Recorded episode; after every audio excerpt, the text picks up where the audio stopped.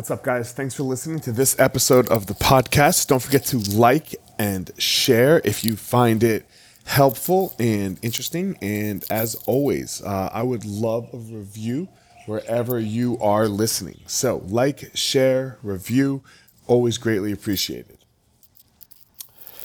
Don't forget to head over to my website, elliottmarshall.com, especially if you are looking for a keynote speech.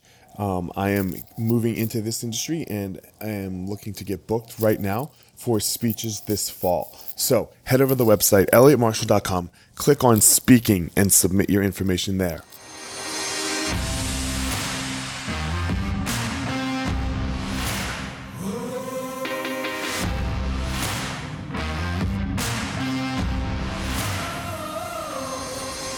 What's up, my ninjas? This is former UFC fighter Elliot Marshall, and this is the Gospel of Fire, where we are going to learn how to go into the fire so that we can find our power and live the best life possible.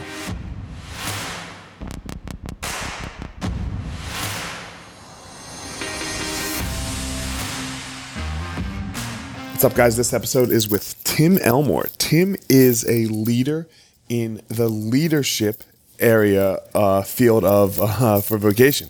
So Tim works with young leaders. He, he specializes in uh, children and young adult leaders and helping build them into better and more skillful leaders. He's worked with greats like John Maxwell, um, who's one of the the the the goats in the area of thought leadership and and and leadership in general. So um, I had a great time talking to him. I'm really interested in this field. So uh, it was great fun for me. I hope you all get something out of it as well. Um, as always, like, share, review, and uh, that's it. Without further ado, here we go. Tim Elmore. Tim, how are you? I am well today. How are you, Elliot? I'm doing, I'm doing well, man. I'm, uh, as you can see in the backdrop, I'm in Maui. So we, we have a rule here. Um, there's no complaining while in, about, or anything when we're in Maui. So uh, I have to, I have to be good yeah, that's right. Um, man, you just ca- caught me with what we you said offline about leadership and, and these crazy times we're in, and I want to get into that. But first, a little intro for you. Like, uh, I almost want to skip it over, uh, and this is why I was telling you that I try not to do too much research because I would just skip it over if if I knew yeah. already. So, um, you were in the leadership field, yes. Um, yep. And you've been able to work with some some of the greats, right? Like John Maxwell. We were talking offline, who um, probably is a top fiver, top five goat in this yeah. in this industry yeah. of all time, right? So um, I relate everything to sports. So you know the the term goat. Um, That's right. um, man, how did you get into this field? What what what what pulled you here? Yeah, good question. Well, um, our work at Growing Leaders is really targeted at the emerging generation of leaders. Uh, so I started as a teacher uh, and, and as a, a part time youth pastor way back in the day, more than 40 years ago. But in 1983, right when I had finished college, I went on staff with John Maxwell. So okay. that was before he was really famous, before he'd written a bunch of books. Uh, and my love of young people and my love of leadership got married. Uh, I began to see what a profound difference it would make for a person who's 16 or 24 to learn these timeless principles and not wait till they're 48 or 55 and have ruined a marriage and two companies and something else, you know. So my goal is to get these timeless leadership principles in the hands of the young, uh, and so they can uh, just accelerate what they're t- uh, called to do. So, so that's what I'm about that's our job, right? Is to sprinkle uh, as older people, and, and uh, you know, I'm getting there. Um, yeah. uh, my birthday is actually in uh, eight days. All right. Yeah, I'm gonna get my birthday. Happy birthday. Days. Thank you. It's to sprinkle some of this luck dust on as many people as possible. Is, is one of the things that I like to say, which is just give them some, I don't know, some cheat codes, right? Some cheat yes. codes yeah. to to this game. Yeah, no doubt what, about it. In fact, I feel like those advantages come when we do learn something. Maybe it's tucked away, mm-hmm. but there'll be a moment. It's going to be necessary, and we're going to be prepared because we've learned something. Right, right. And sometimes those moments can really suck, right? I think that's that's sometimes for me that can be the hardest part with leadership is yeah. Is when you start to figure it out a little bit like okay you're a leader yada yada right? And but but you still have those hard moments and those hard hard moments still coming up for you where you, it's time yep. for you to sit back and learn. I, I know that sometimes when in the beginning of those moments i can be like god damn it i don't want to do this yeah. you know? So yep yep. Well i tell you what the genesis of this last book, The Eight Paradoxes of Great Leadership, happened in a green room where this very topic came up. I was sitting back there before the event, and there were 16 CEOs together.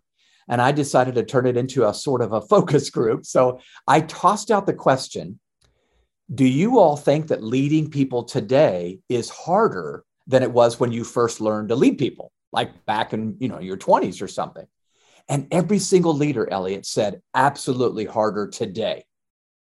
And I pushed back on that. I said, Well, you wouldn't you think it'd be harder back when you were younger and didn't know as much? But everybody stuck to their guns. They said, no, it's harder today. And that just set me on a hunt to find out why is it harder today? And it's a, there's a number of reasons, but we live in a day that corporate America calls VUCA, V U C A. It's volatile, uncertain, complex, and ambiguous. And that defines the day we live post pandemic. So um, I just felt like there's there's got to be a trick to this thing. And I think part of the trick is some emotional intelligence that we need to learn that allows us to practice paradoxes, things that shouldn't go together, but they got to go together in order to navigate the troubled times we're in. I mean, when, when were you sitting in this room with these CEOs? Well, it was right before the pandemic. So it wasn't okay. even, we hadn't even been hit with COVID. So, yeah, we, we weren't even really fucked up. We were just a little That's right.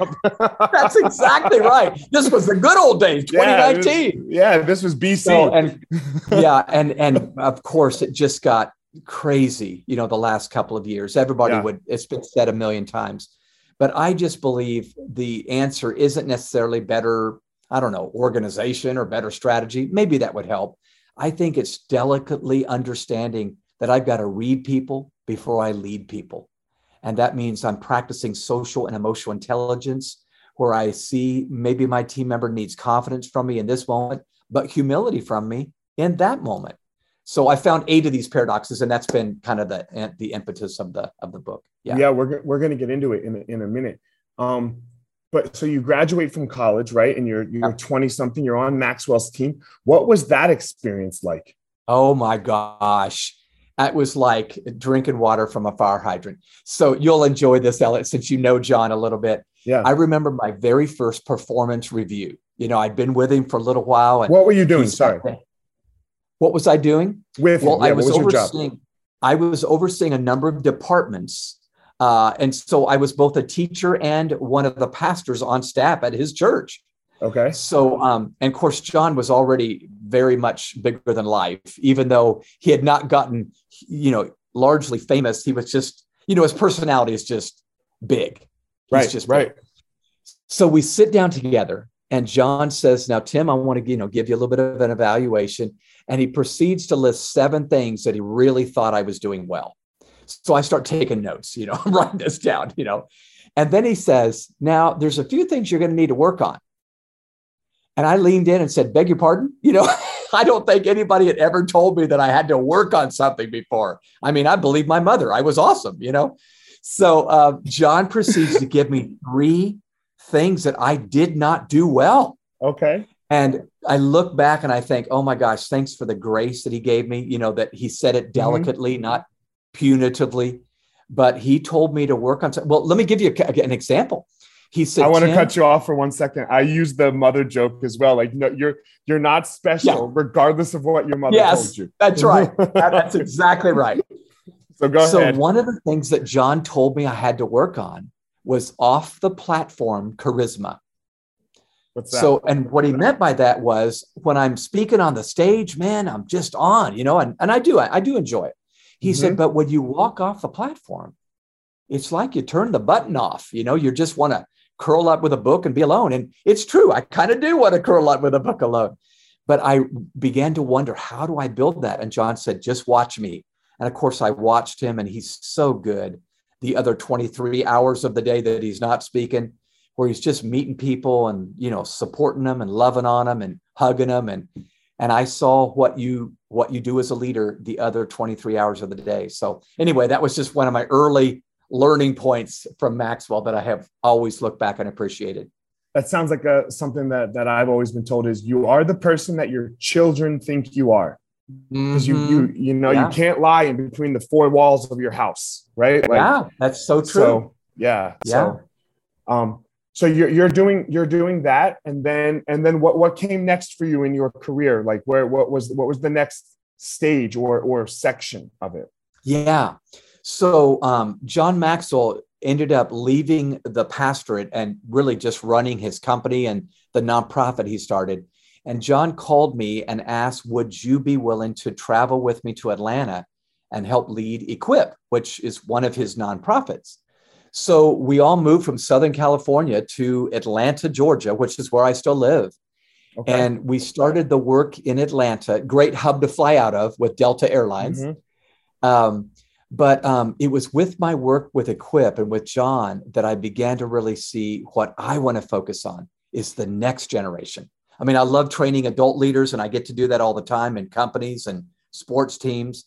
But um, I just feel like I owe it to the generation behind me to give them these tools that John was so good to pass on to me. And so here, I think you'll enjoy this. John, you know, teaches the 21 laws of leadership and the 17 okay. laws of teamwork.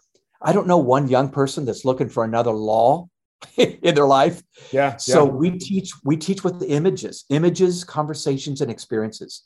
So every one of our principles is summarized by an image. In fact, I've got two of them behind me right here. I was, I was going to uh, ask you about them. Okay. This one off to your left is called rivers and floods and it's all about focus. Think about rivers and floods. Floods are water going in every direction and doing damage. Mm-hmm. Rivers are flowing in a single direction. And if you leverage them well, you can use them for a lot of good. You can use them for transportation and so forth. So we just believe that people tend to be a flood or river, and we want to help people find their God given river and flow rather than flood in 17 directions. But that would be a simple way for a high school kid or a college kid to learn about focus rather than a lecture, it's a picture. And how about the other one? The other one's called Bit Market. Oh, this is a fun one. Uh, by the way, I hung these two pictures behind me because they're the ones I need the most, Elliot. Okay. I okay. desperately need it. So this is about leading change. Here's the story behind the Bit Market. Brand new president of an electric drill company. First day on the job, he's meeting all the staff and VPs. At the end of the day, there's a meeting where the vice presidents can brag about how great this company is. They were selling so many drill bits, they were sure their future was bright. The president stepped up to the podium after they were done, smiled, and said, Gentlemen, thank you for those speeches. Those were great speeches. But then this is what he said next You're just forgetting one important thing there's no market for drill bits, the market is for holes. And the moment someone comes up with a better way to make a hole, drill bits will be obsolete. So they had confused the method with a mission, the product with a purpose. And that's what leaders do all the time. So we got to keep our eye on the hole, not the drill bit. Drill bits come and go. The hole is what we need to figure out the best way to drill. What's so the problem? It's about the problem is I need a hole. I need a hole. That's that's, that's what I need. That's what I need you to solve. So exactly who, right. Who cares about the drill bit, right? Like because that's it, exactly that's not right. the problem I'm solving. Yeah, that's exactly right. We need to we need to fall in love with problems to solve, not ideas, because ideas come and go. Yeah. Right. Ama- yeah, amazing. So you are running Equip now, right? With with John. Well, I'm running growing leaders. Well, now we're uh, merging back together. Yeah. I'm sorry. Sorry. Oh, I'm you, sorry. You moved to Atlanta to run yes. Equip with John, right? Yes. I'm sorry. And then and then you leave at some point here and do growing leaders. Yeah. Yeah. So the reason how that happened was you might remember September 11th, 2001. I do. The terrorist attack happened, and so many nonprofits were having to just rethink what are we going to focus on? And the focus that Equip once had on young leaders, emerging leaders, uh, kind of got taken away, and we just focused on the world, the international world. And okay. it was at that point, Elliot, that I realized how much my heart just went out for the next gen. And I sat down with John and I said, John, we can't stop doing this young leader thing. And John just smiled and said, Well, you should start something. Now he thought it was going to be a side hustle, you know, that, that I wouldn't, you know, I do part time, mm-hmm. but it ended up being uh, this, yeah, crazy thing that just grew and grew and grew. So I don't think I'm a brilliant uh, entrepreneur, but it's been fun to see it grow. And now we get to partner with thousands of schools and organizations and athletic teams around the world. It's fun. Yeah. What do you, what, what is your calling towards young people so much for, do you think? Like, you know, everyone has yeah. a calling of, of, of, of yeah, uh, yeah. And, and look, uh, you know, if you if you have a calling towards older towards and uh, they're great. Every every right, and one's not yes. better than the other, right? That's right. But but you definitely seem to really have this calling towards young people. Where yeah. do you think that came from? I think it's probably matters more than I, I, I think it's issues more than I realize. But let me give you the logical mm-hmm. reasons mm-hmm. I chose this. One, if you if you think about change down through world history, whenever change happens, it's almost always young people that are at the part of that initial chain, the protests that had to happen, or the abolition of slavery, or civil rights, or whatever. It's often young adults, not 58 year olds that are leading the charge. So that was one. Number two, how I old are you? Like I am 62 now years old. Yeah. So, but that's your generation who normally pushes back on these young people, right? I like, know. Yeah. Yeah. So one of the advantages I have, I was just yesterday in Las Vegas with a whole bunch of athletic directors of NCAA athletic programs. And I'm talking baby boomer to baby boomer saying, mm-hmm. we've got to lead with empathy. We've got to let them take their place. You know, so they're hearing an old white guy talking to a bunch of old other, you know, old guys and gals. But I think I have leverage with them because they realize he's one of us but I'm mm-hmm. saying we've got to let go of the power and we've got to begin to let them take their place. So I think it's all those reasons of uh, change happens with the young. Uh, I think the young are moldable. You know, they're still moldable. You get to be 45 or 50 years old and you're much less apt to change your spots. so, um, anyway, there's all kinds of reasons that make me think we've got to invest in the young. They represent our future. You you used a word that's that's a, a buzzword these days empathy. Yeah. Right? Everyone uses it. Empathy vulnerability authenticity right? These these are words yep. that we that we love to hear right now. What does empathy mean to you i believe it means that well let me just say this when i express empathy as an older guy um, i'm expressing three things uh, i'm first listening I think my generation doesn't listen very well. We like to tell, we don't like to listen. But when I listen, as simple as this sounds, the other person feels heard. The next step is empathize. So I listen, then I empathize. When I empathize, they feel understood.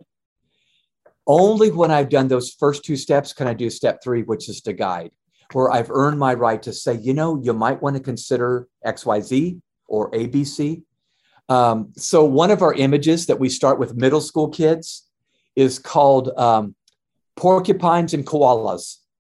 Porcupines and koalas. Think about these two animals here, okay? You know what a porcupine is? That's a oh my gosh, it's it's this this rodent basically with you know mm-hmm. it's got sharp points on it. You know what do I say? It's sharp point. So you get close to a rodent, this this porcupine, and you're going to get hurt because he's going to protect himself. You get close to a koala and you're going to get hugged, you know? So isn't it true? People often tend to lean. I, if I get close to you, am I going to get hurt? Am I going to get hugged? Uh, so we try to start with 12 years old, teaching you got to you got to be the empathizer. You got to be the one that understands someone that's different than you, and lean in. Don't lean out. Don't be self-protective. Uh, so anyway, and we've got ways to teach that with images where they get more complex and more robust with age. Like, for instance, I'll give you another one. By the time you reach college, we're talking about guard dogs and guide dogs. So it's another image. Guard dogs and guide dogs are two jobs that we have given to canines, right? Mm-hmm. The guard dog's job is to protect. He's in a fenced in area and he's growling and sniffing out trouble and barking at intruders. The guide dog, his job is to partner. He's usually with someone that can't see very well or at all, right? And he's leading the way. He's going first. He's being vulnerable. He's taking initiative. I think leaders in times like we're in tend to be guard dogs. We hold our cards close to our chest. We're self protective. I think we need to be guide dogs and be vulnerable, be take initiative, open up and be transparent. But we tend to be guard dogs. We've got to work to be guide dogs. So those would be two images that illustrate empathy and vulnerability, but they're two completely different, you know, mm-hmm, levels mm-hmm. of complexity. Yeah. Explain your difference between empathy and sympathy, because I think a lot of people get this wrong. Yeah, yeah. When when, when we're leading, right? Because you can be very empathetic and not be sympathetic, right? Yeah. Like, because yeah. you know, uh, look for for lack of better words, shit still has to get done. Yeah. Right. Like right. you still you That's still right. have to like do the work. Like, and if you're not doing yeah. the work, yeah, no doubt right? about so it. Yeah. Yeah. How do you how do you how do you deal with those differences? Well, it's a great question. And I've heard at least a dozen different people differentiate between sympathy and empathy. I am I'm a fan of empathy because I think that's what makes the greater difference, at okay. least for me. I am stepping into the shoes as best I can uh, of that person. And I'm realizing, even though we do need to build grit and get the job done, I've got to first understand where they're starting from. So um, here's a phrase I love to use with leaders we must build bridges of relationship that can bear the weight of truth. We must build bridges of relationship that are strong enough that can bear the weight of truth. Maybe hard truth. Maybe I need to have a hard conversation with that team member. I'm member. Stealing it.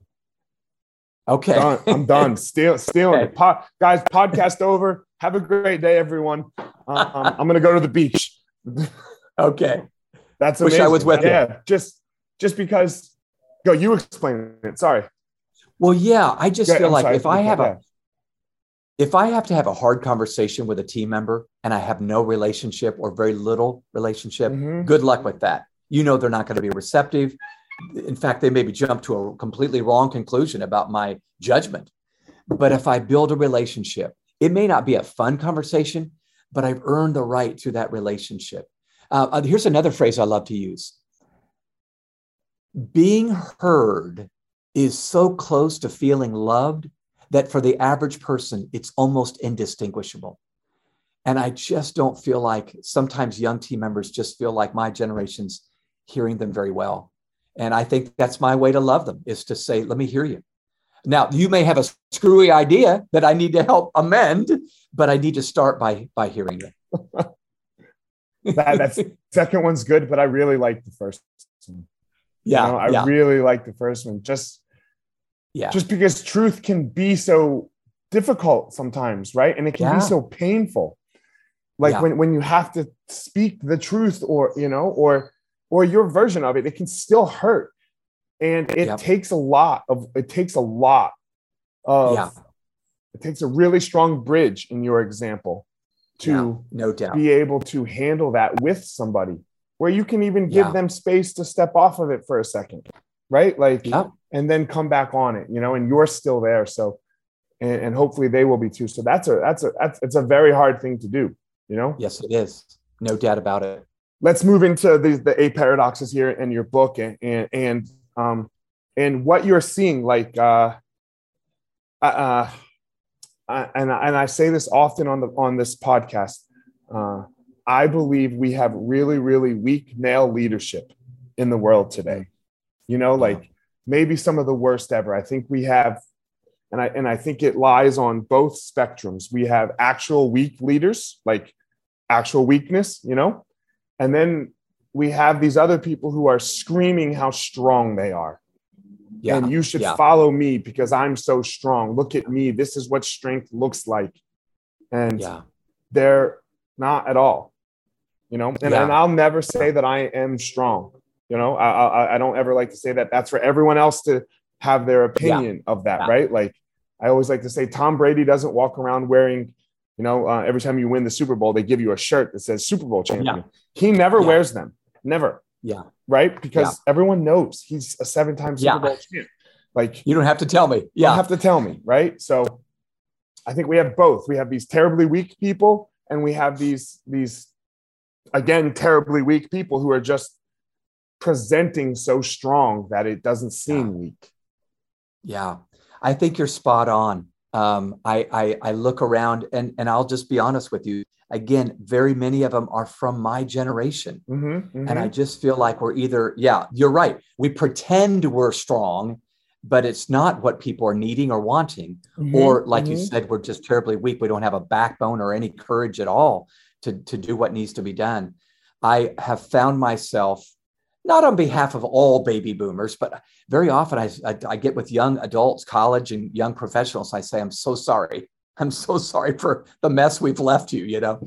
But uh, well, the who good else's news is, fault is I'm- it? Like, yeah, who else's fault is it, right? Because like, like if my kids, if, if I have a 15 year old that's an asshole, well, Yeah. that's because I probably let him be an asshole when he was 10, and I probably Mhm. let yeah, him be an asshole when he was five, and I'm his dad, right? yeah. So it, it's Yep. the people raising the young people whose fault I this know. is that these people are assholes.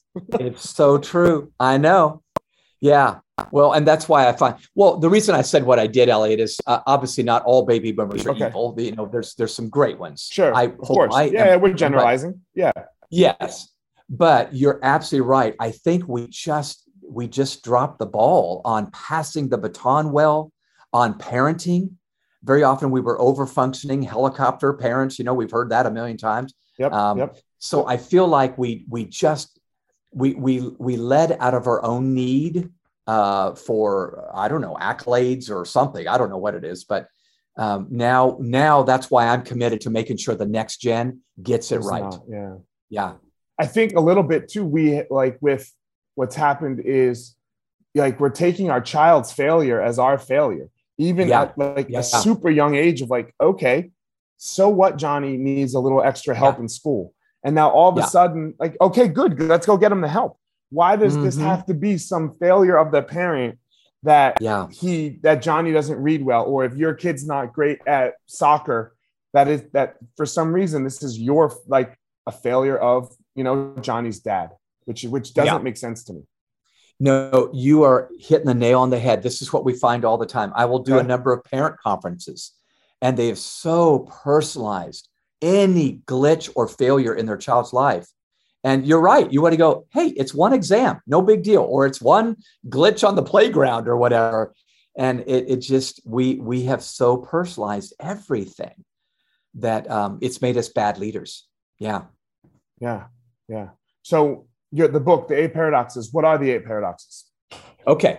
So I gave you one of them. Uh, I hinted at it anyway. Paradox number one is I believe uncommon leaders are both confident and humble.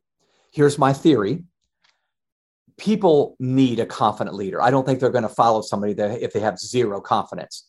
At the same time, I think they want a leader where they know uh, that confidence doesn't blind me to my own humanity. You know, I, I don't have all the answers. I'm going to need you. I think we can do it, but we're going to need to do it together. So confidence and humility. I think that's, in fact, here's the way I summarize it, Elliot. I love this statement. Um, my confidence makes my leadership believable, but my humility makes my confidence believable. You follow that? Yeah. So when I'm humble, they realize, okay, I'm not smoking something. I, I'm actually real, you know? So that would be Mhm, one. mhm. Here's another um, one that I just love. I believe uncommon leaders leverage both their vision and their blind spots. So I have case studies in that chapter where I talk about some of the best leaders in the world had blind spots, like we all do, but they ended up using them to their advantage. That they didn't know everything about that new industry they created or that new product give me, that give me an you know they had no idea. What's that? Give, me- give me an example. Okay, a great example for for this one was Sara Blakely. So she was the entrepreneur that created shapewear called Spanx. Every woman listening would go, "I know Spanx." Okay, so she creates this, finds a manufacturer in North Carolina to build this hosiery slash girdle type shapewear thing, but she's never gotten into this industry. She didn't know what to do to distribute it. So she ends up making a call and she gets a 10 minute meeting with an executive at Neiman Marcus department store. Flies over, gets 10 minutes with her. Okay. She's talking to her, and five minutes into the meeting, Elliot, she realizes I'm not getting anywhere. This, this executive has heard 50 pitches today. She is not going to buy Mhm. anything. So Sara stands up and says, Would you follow me? And the executive says, I beg your pardon, would you follow me into the restroom? I want to show you. And so they walk into the restroom. Sara Blakely tries on the Spanx right in front of her there. Well, this sells the product because she sees, oh my gosh, this is amazing. So then what happens next is this executive decides, let's try it out and, you know, say a dozen Neiman Marcus stores. We'll beta test this. So Sara calls all of her friends who are in those cities and she she says, I'm going to send you some money, buy them out, you know, Go so buy. they get bought out. so Spanx takes off. Now, here's where the blind spot comes in. Months later, Sara Blakely is speaking to an audience about her startup. And somebody in the audience during the Q&A time raises her hand and says, how did you get noticed in those big trade shows? How did your exhibit get noticed? I mean, there's thousands of exhibitors. And Sara goes, trade show? I never went to a trade show.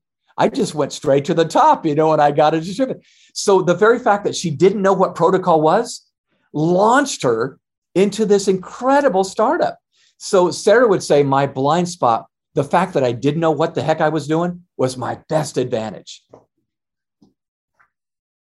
Make sense? Yeah, makes sense. Yeah.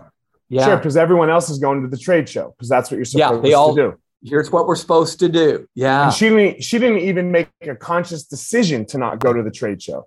she didn't know. right. That's amazing. Yeah.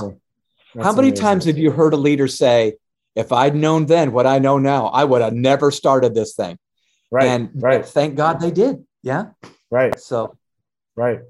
All right, back to the eight paradoxes. Go ahead. Okay. You want to hear another one? Mm-hmm. Um, I believe uncommon leaders uh, balance both their visibility and their invisibility.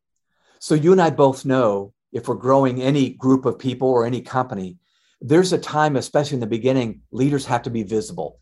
They can't just make speeches, they need to model the way. Over time, however, that visible leader needs to step away and be invisible so the next gen can step up.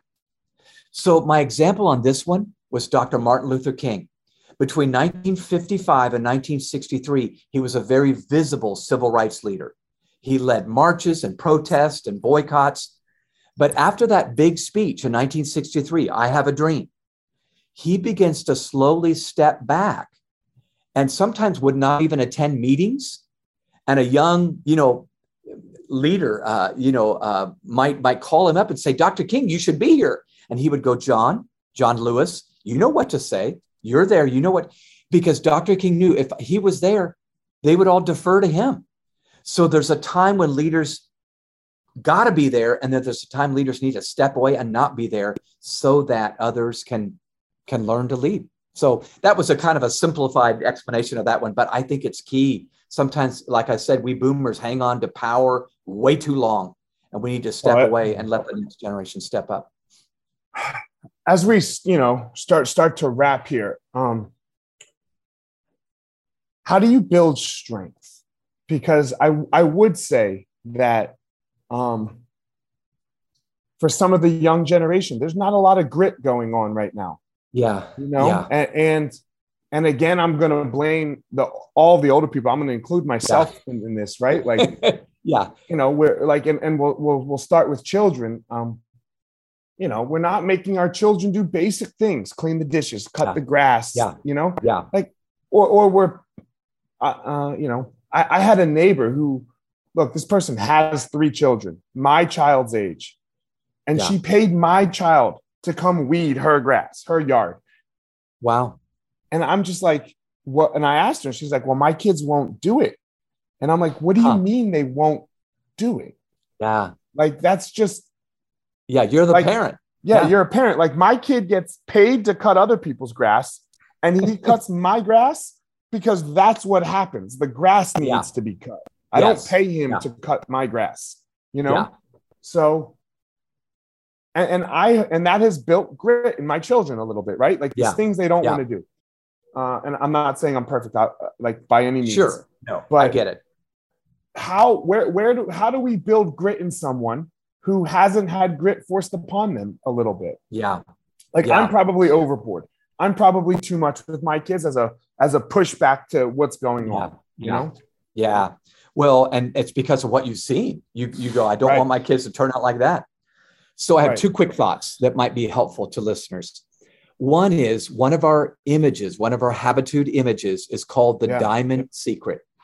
So here's the diamond secret. Um, uh, most of us know the wives' tales about how diamonds are formed. It's often in Right. a coal mine over years, but it's actually not the coal that turns into a diamond, it's the carbon inside the coal. And um, carbon obviously can just sit there in that coal for years and never change, or it can endure pressure for long periods of time and be transformed into a beautiful diamond. So it is with us. I think there's a diamond inside of every one of our kids, but it's going to be what they do with the pressure that either turns them into a beautiful diamond or just stresses them out. So we as parents, teachers, and coaches need to say the answer, the problem is not pressure. Actually, pressure is the solution. You will not be the best version of yourself unless you feel pressure. Now you got to see it right and do something with it. But what you do with it is going to determine whether you're a diamond or a stressed out person when you're 18 years old. I so think a lot anyway, of people, that Oh, sorry. My bad. no, no, you go, you go. I, they got the they, they Yeah. got the idea. I think a lot of people when they hear, you know, someone like you start to speak, you know, uh, you know, or or anybody who has really put some thought into leadership and empathy, vulnerability, author, Yeah. you know, and, and you start being like, man, you're gonna make a bunch of bitches because you, you know, I'm a, I'm a little more raw, sorry, you know, because you don't want to apply any pressure to anybody, Yeah, right? Yeah. They, they, you know, and I think that's the opposite. Like, no, yeah, uh, we're going to apply a lot of pressure, but we Right. first have to build that bridge because they need Yeah. to know that I'm always going to be standing there with them. Because Yes. if, if they don't trust, uh, Yep. it's like the coach athlete relationship, right? If the if the athlete doesn't think that the coach is going to stick with it, then the athlete Yeah. will never do what the coach needs him to do. I can yeah. remember That's right. I tell the story. I have this coach. His name is Greg Jackson, and man, he took he used to take us up to this mountain, you know, in Albuquerque, fourteen thousand feet, and because I was Yeah. fighting, Wow. and Yeah. uh, he would take us to the edge of this cliff where we would have to carry each other up it along the edge. Wow. Where if you fell, not only did you die, but the person on your back died Yeah. Because he wanted he had to get us good with our own death because we're going in a we're going to fight, you know, and you have to get Yeah. good with death. And I can remember thinking, like, man, why am I listening to him? Yeah. Like, because if Yeah. anybody else told me to do this, I would say no. Yeah. you know and he's doing it with a smile god fire marshal you're doing so great i love you Yeah. fire marshal and i'm like you love me you're, you're getting me real close to never seeing my That's wife right. again you know like Oh my gosh. so Um, anyway like but there's a lot there was a lot of pressure there with a lot of love Yeah, and a no lot doubt. of trust and a lot of all these other things that you were talking Yeah. about so you were illustrating something that um, psychologists call learned industriousness. So there's two um, diagnoses that deal with grit. One is called Okay. learned helplessness, and the others learned industriousness. So learned helplessness is what millions of kids have learned. You described it already. We are so soft on them, and we say, "Oh, I don't want to put you on pressure. Oh, I don't want to stress you out." So we remove the pressure. Well, they learn helplessness. They go, "Oh, mom didn't think I can do this. I must not be able to do this," Right. and they learn to be helpless. Learned industriousness happens when we give them a challenge, maybe just enough to stretch them, not mm-hmm. overwhelming at mm-hmm. 12 or 14, but just enough to stretch them. And we start teaching them, you can power through and get this. So let me tell you where this happened in my house. When my son Jonathan was, I don't know, seven years old, he would get up in the morning and I'd see him in the kitchen trying to open the peanut butter jar. And he couldn't get it open. He tried and tried and tried. And I saw him give up. That's learned helplessness. He tried and tried and gave up. And he knew that I would come in and open it up and he'd be fine. Well, I decided one time I'm not going to open this jar up for him. So he left the kitchen mad because the peanut butter wasn't open. And I snuck in and I loosened it just a little bit, just a little bit, but still required some effort. I said, Jonathan, Mhm. get back in here. You can do that. Dad, I tried. No, get back in here. He comes back in. He has to work, but he gets it. The moment he sees a little success, I know this sounds cliche, but when you see a little success for effort, you your brain says, do it again, do it again, do it again. So learned industrious is, is where we as leaders give them a, a challenge just enough to let them succeed, but they have to work their butt off to get it. Yeah. It's it's so powerful. When you see what's possible, it's so Yeah. powerful. And Yes, with- it is. especially in you, right? When you see that, Yeah. oh my God, that that is there for me. Yeah, So that's right. Yep. I like to ask two people two questions as we end. This is the only thing that's scripted throughout it. Um, Okay. First, I believe everyone has a power. Everyone has this unique superpower that I believe that they give to the world, you know, Yep. and then the world and then returns something back to them. It's, it's very Yeah. balanced. You know, it balances your altruism and your narcissism. What do you what do you think your power is? Oh, wow. Well, I guess the first thing that comes to my mind is communicating through metaphors, you know, these images. Yeah. I feel like when people get a picture in their head, it stays there because we think in pictures. And if it guides them, I've given them a gift. So I think it's communicating through metaphors. Yeah. Okay, last one. Um, and this is not, please don't take this as me tooting my own horn um, Okay. in, in any way. I, I'm going to deprecate myself actually a little bit. Uh, you're going to get nothing out of this podcast as far as like money or somebody working with you or like I'm, I'm nobody, right? Like I, I am no big leader where like this podcast would be like, oh my God, this, this, this changed the, you know, growth leaders Yeah. forever. Yeah. Right. Uh, so why did you choose to come on here for an hour? Because like I'm, I'm I'm not young, right? I'm 42. I'll be 42 in a week. Uh, I don't know how many young people listen to this. It's mostly a little, you know, I guess 25-ish, and you know, but mo- mostly Yeah. middle-aged men. So what'd you waste your time for? Well, I liked your title. Um, and Okay. I, I think uh, I love the idea of fire. There's an image for you. Um, but I think I also think every time I'm on any kind of podcast like this, I'm thinking it might help either a young person that might be tuning in or the person that leads that young person. So everybody's a candidate to hopefully be helped by one or two of these images and hopefully can be better for it. Tim, thanks, man. I appreciate you coming on. Uh, I really enjoyed the talk. Uh, and because I, I love the idea of, of, of thought leadership, you know, and I'm really Yeah. trying to move into this space, bridge my, uh, you know, the expertise that I've gained in martial arts and, and, Yeah. and kind of going beyond that, right? Yeah. Like, yeah. you it. know, I'll, I'll never stop teaching martial arts. I love it, but I, I want more. And, and this is the field that I want more in. So, uh, I appreciate, Good. I appreciate your time. So, um, My pleasure. tell everyone where they can find you, reach out to you, and things like that. Well, our website is probably the best place, growingleaders.com. Uh, growingleaders.com has these images there and the eight paradoxes and so forth. Or they can go to my personal site, timelmore.com. Um, that's the best place to reach me. All right. Tim, I appreciate Good. it. Guys, as always, uh, Tim has his unique power and gift that he gives to the world. And I have my unique power and gift that I get to give to the world. Don't go out in the world and try to be Tim. And don't go out in the world and try to be me. Please go out there and find your own power, everyone. All right, everyone. Thanks for listening to this episode of The Gospel of Fire. If you enjoyed the episode, I'd love a review on iTunes or wherever you are listening to this podcast. Don't forget to follow me on social media at FireMarshal205. If you're a BJJ enthusiast, check out my YouTube channel. I put all kinds of instructional DVD uh, videos out on there, so go check it out.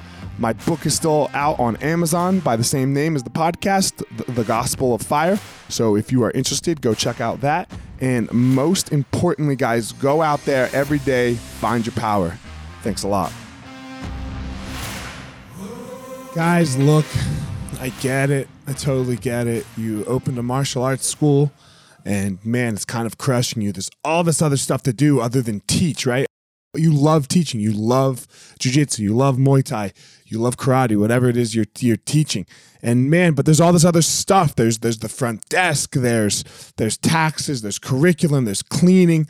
There's there's problems, staffing, covering. Whew, man, it's so much It's so much. Well, let me tell you, uh, we have started what's called Easton Online, and Easton Online is here to solve all of these problems for you. Easton Online is a digital academy for martial arts school owners and managers. Will help you establish or enhance your business with best practices. Most importantly, we're going to help you get back to what it is that you love most teaching and doing martial arts. Okay, so for more information, guys, go to easton.online. Again, that's easton.online. Add your email. You're going to get notified about the course launches. Our first course is going to be all about the first impression specialists, your front desk, and all kinds of stuff, special offers, promotions, as well as we started a podcast by the same name, Easton Online, that's gonna talk about our process of how how we went from a tiny little martial arts school to what is now seven martial arts schools, seven Brazilian Jiu Jitsu Muay Thai schools, um, in a very holistic way that we believe um, kept the integrity of the art and also deals with its people very well. So again, Easton.online, enter your email and you're gonna get all you're gonna get everything you need right there. So thanks, guys.